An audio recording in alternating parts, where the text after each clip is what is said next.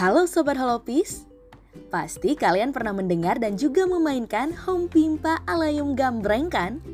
Siapa di sini yang mengerti sejarah terbentuknya Home Pimpa? Home Pimpa ini biasanya dilakukan oleh anak-anak untuk mengundi siapa yang menang atau kalah menggunakan telapak tangan.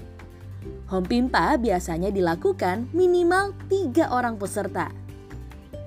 Home Pimpa dimainkan hampir di setiap permainan tradisional, seperti petak umpat, galasin, hingga permainan bentengan. Cara permainannya, seseorang akan mengayunkan tangannya ke atas bawah dan ke kanan kiri secara bersamaan. Ketika mencapai kata terakhir yaitu gambreng, maka setiap pemain harus memperlihatkan salah satu sisi dari tangannya. Bisa berupa telapak tangannya ataupun bagian punggung tangan. Biasanya, pemenangnya adalah peserta yang memperlihatkan sisi tangan yang berbeda dari yang lainnya. Home Pimpa Alayum Gambreng mempunyai makna, yakni dari Tuhan kembali ke Tuhan. Kata home lah yang memiliki pengertian zat yang maha kekal. Sampai saat ini, permainan tradisional ini memang sudah melekat dan tak bisa dipisahkan dengan anak-anak Indonesia.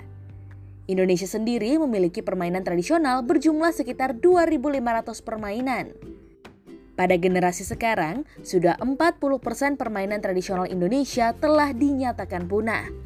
Mirisnya lagi, sekitar 65% anak-anak Indonesia sudah tak lagi mengenal permainan tradisional karena dampak dari perkembangan zaman dan juga teknologi.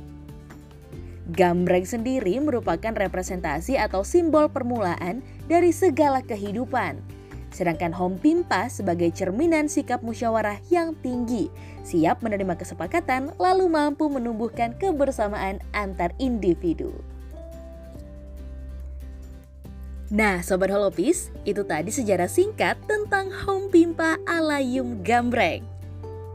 Saya Brenda Iskarina, Dara Aulia, dan Ronald Stevens melaporkan Holopis Channel bersama untuk Indonesia.